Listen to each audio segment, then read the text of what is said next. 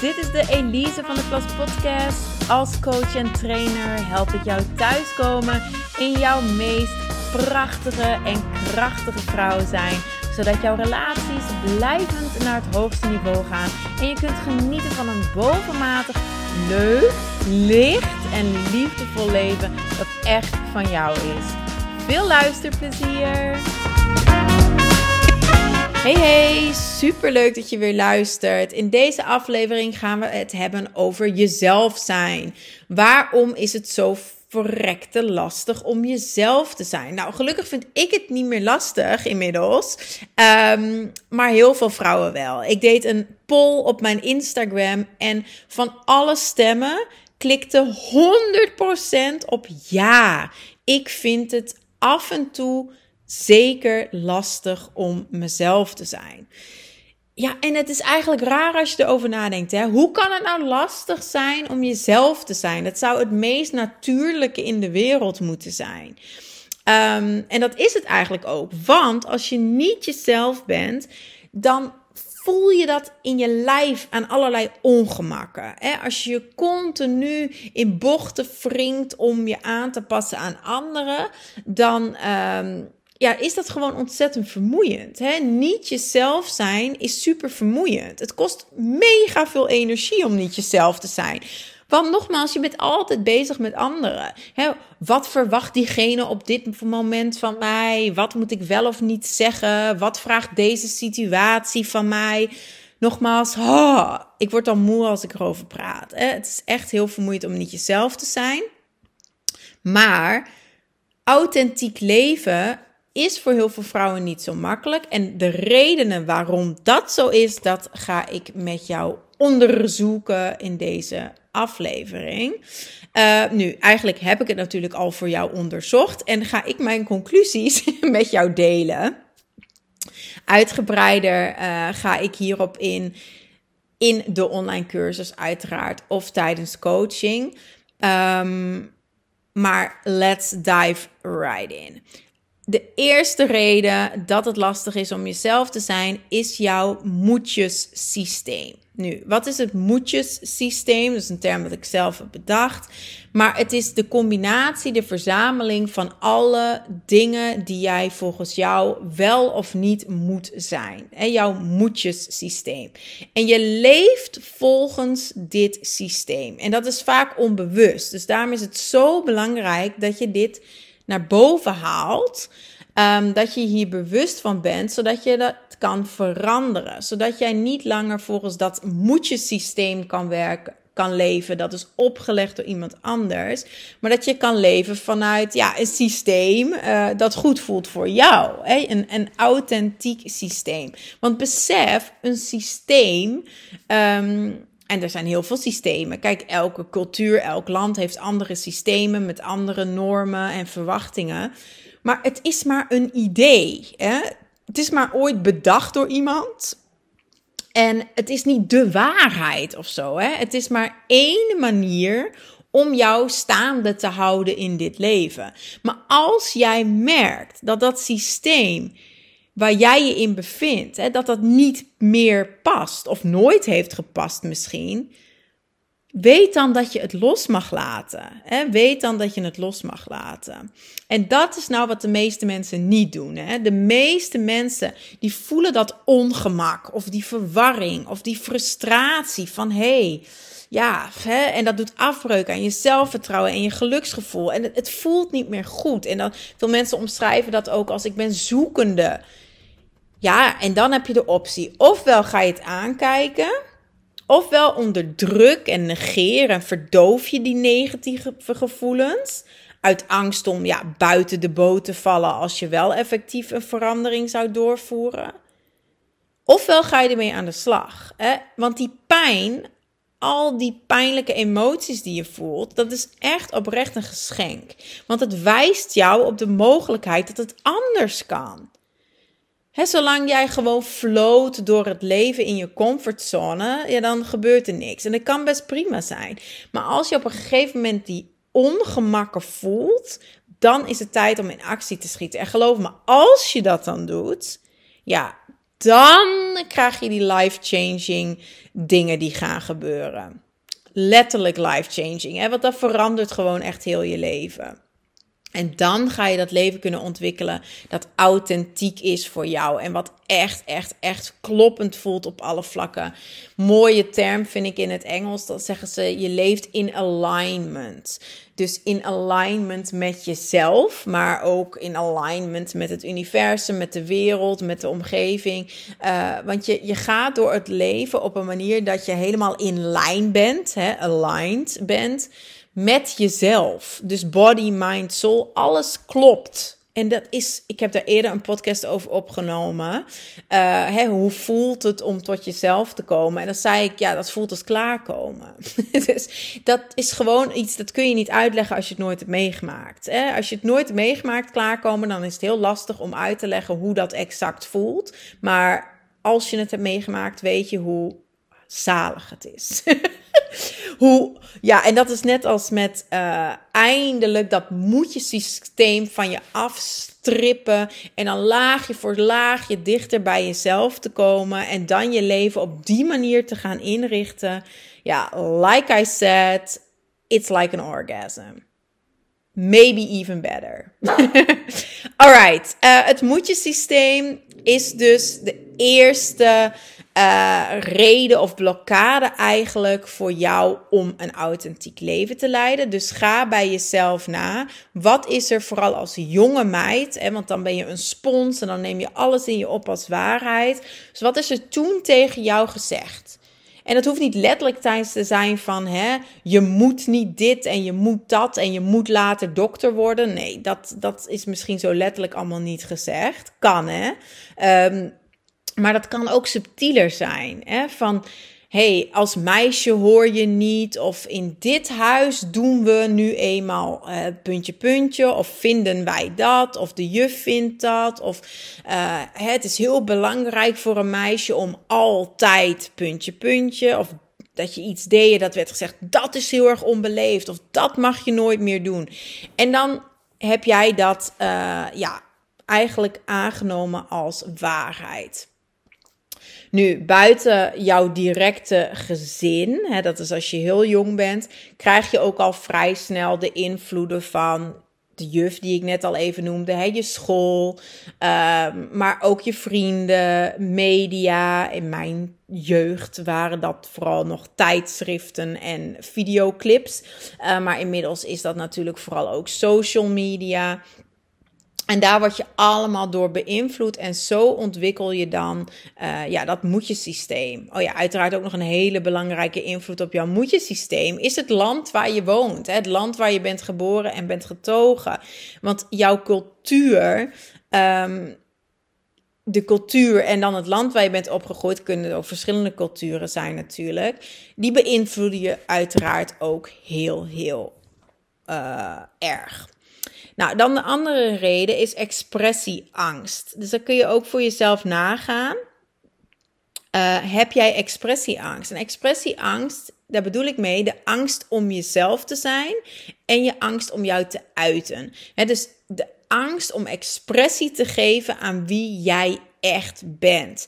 En je te uiten daar bedoel ik mee in de breedste zin van het woord. Hè? Dus dat kan in de praktijk zijn dat je niet de kleding draagt die je wilt dragen omdat bijvoorbeeld ooit een tante heeft gezegd: Nou, in dat jurkje zie je er heel sletterig uit. En dan heb je daarna nog een keer een opmerking gehad. En hup, dat werd jouw waarheid. Dus jij hebt nu een sexy jurkje in je kast die je heel graag wil dragen. Maar hij blijft daar ongedragen in je kast hangen. Want je wilt niet gezien worden als ordinaire bimbo. Want je bent immers een hoogopgeleide vrouw. Of je bent een nette moeder. Of weet ik veel wat. Uh, dus dat mag niet. Maar eigenlijk diep in jou zit dat verlangen om dat jurkje aan te trekken. Um, dat is dus expressieangst. Ander voorbeeld, je zegt nee, te, je zegt nooit nee of bijna nooit nee tegen mensen omdat je geen bitch wilt zijn. Hey, je wilt die stempel niet. Uh, je lacht mee met de seksistische grap uh, van je baas, want je wilt geen zeur zijn. Want dat is ooit misschien als jongere meid tegen jou gezegd van hè, als er racistische of seksistische of whatever grappen werden gemaakt. Um, Uh, misschien in de kroeg, ik zeg maar iets, hè. En dat jouw eerste vriendje zei: Jemig, jij zeurt. Of je bent echt saai.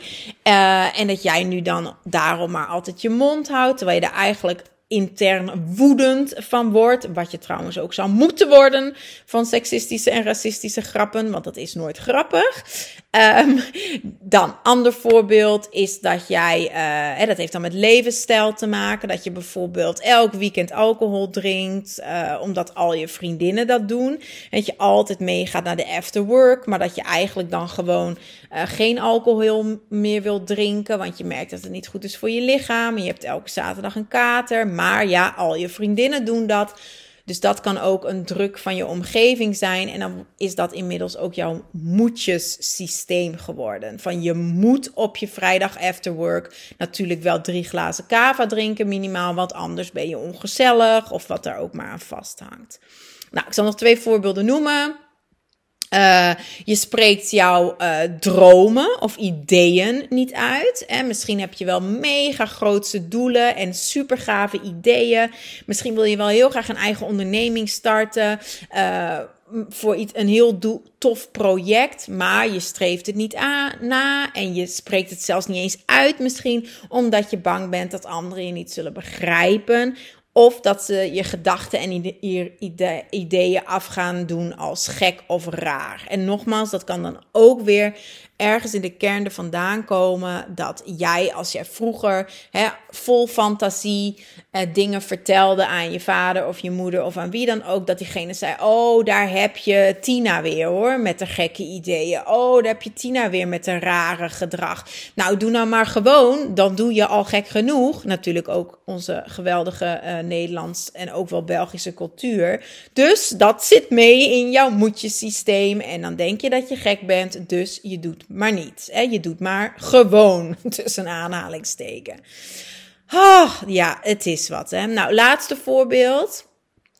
Uh, dat hebben ook heel veel vrouwen. Je bent niet openlijk trots op jezelf. Je bent niet trots op jezelf of je prestaties, want je wilt niet gezien worden als arrogant of hebberig. Hè? Dus diep van binnen wil je eigenlijk gewoon op het volgende bedrijfsfeest zeggen van... hey Jan, flikker eens van dat podium. Ik ben eigenlijk de best-selling partner in dit bedrijf al drie maanden. Maar omdat jij met je grote muil jezelf weer naar voren hebt geduwd... sta jij nu deze speech te geven. Maar ik weet eigenlijk niet waarom, want ik moet er staan. Of je wilt misschien gewoon wel eens op Instagram met je nieuwe Porsche uh, poseren en zeggen dat je afgelopen maand een omzet van een ton hebt gedraaid. Maar je doet het niet, want oeh, misschien vinden je, ze je wel hebberig of materialistisch of weet ik veel wat allemaal. Hè? Uh, en dat wil je natuurlijk niet zijn, materialistisch. En je wil ook um, ja, niet zeggen dat je zoveel geld verdient, want eh, jouw ene oom, die zei altijd: rijke mensen zijn slecht en die gaan over lijken en. Oké, dus je snapt het. Heel veel voorbeelden. Ik ben benieuwd of je je in één van deze dingen uh, herkent. Maar dat is dan dus een teken dat jij ook nog last hebt van expressieangst. En dat jij niet volledig jezelf bent. Nou, en waarom heel veel vrouwen zich nou herkennen in die dingen die ik net noemde, of in elk geval deels herkennen in die voorbeelden en in expressieangst, is omdat dit eeuwenlang van ons werd verwacht. Sterker nog, we werden ervoor gestraft of zelfs gedood als we ons wel uitspraken. Als we anders dan anders durfden te zijn.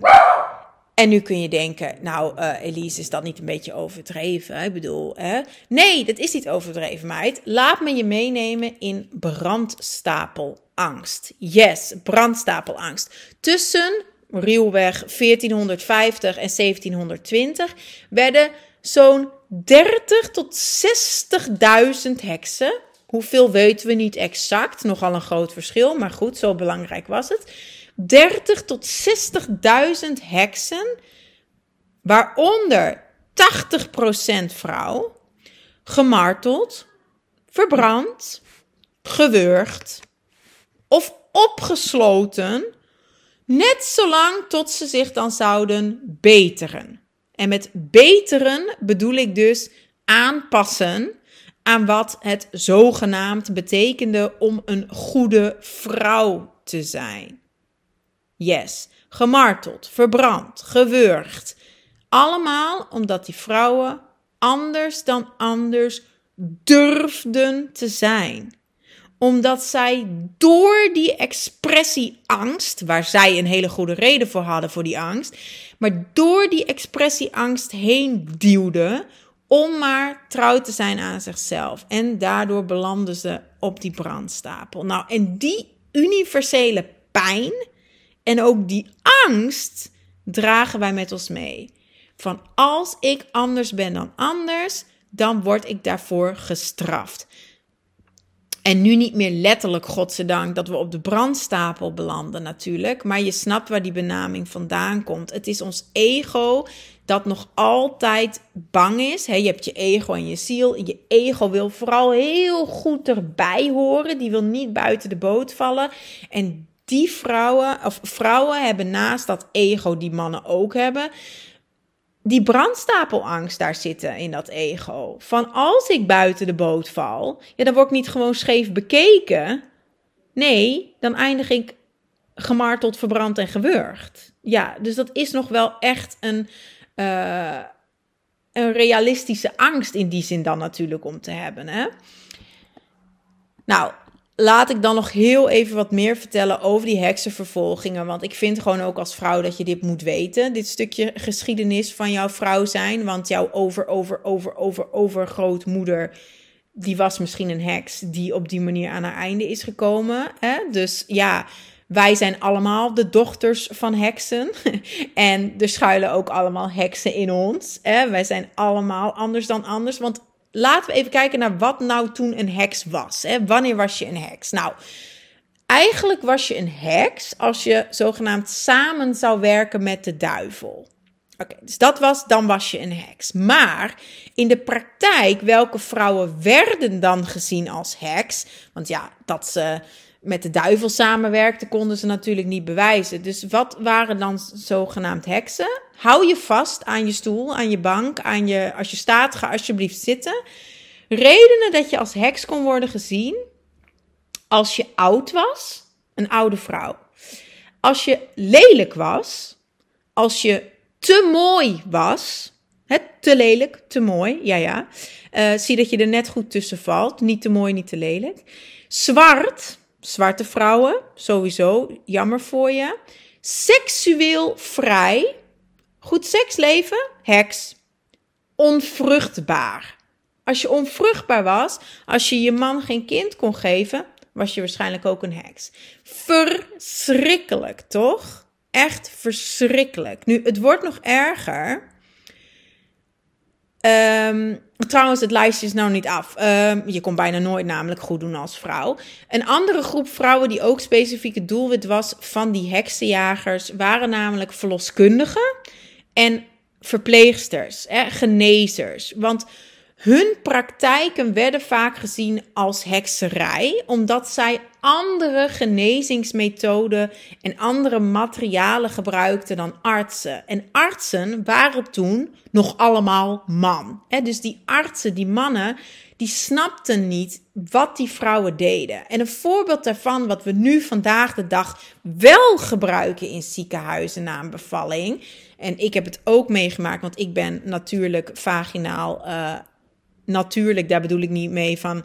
Oh, natuurlijk, iedereen moet dat doen. Nee, ik ben natuurlijk, dus zonder pijnstilling bedoel ik, vaginaal bevallen. En wat ze dan doen daarna is, dan zegt ze ja, ga je maar wassen en met warm water. En dan moet je allemaal kruiden op je, op je vagina en je vulva laten stromen. Want die kruiden zijn heel goed om dan uh, ja, te genezen, te herstellen daar beneden. Dus nu wordt dat effectief gedaan, standaard praktijk, tenminste hier in Belgische ziekenhuizen. Maar toen, ja, werd er dus van gezegd: nee, je bent een heks. Andere vrouwen die als heks werden bestempeld heel snel waren weduwen.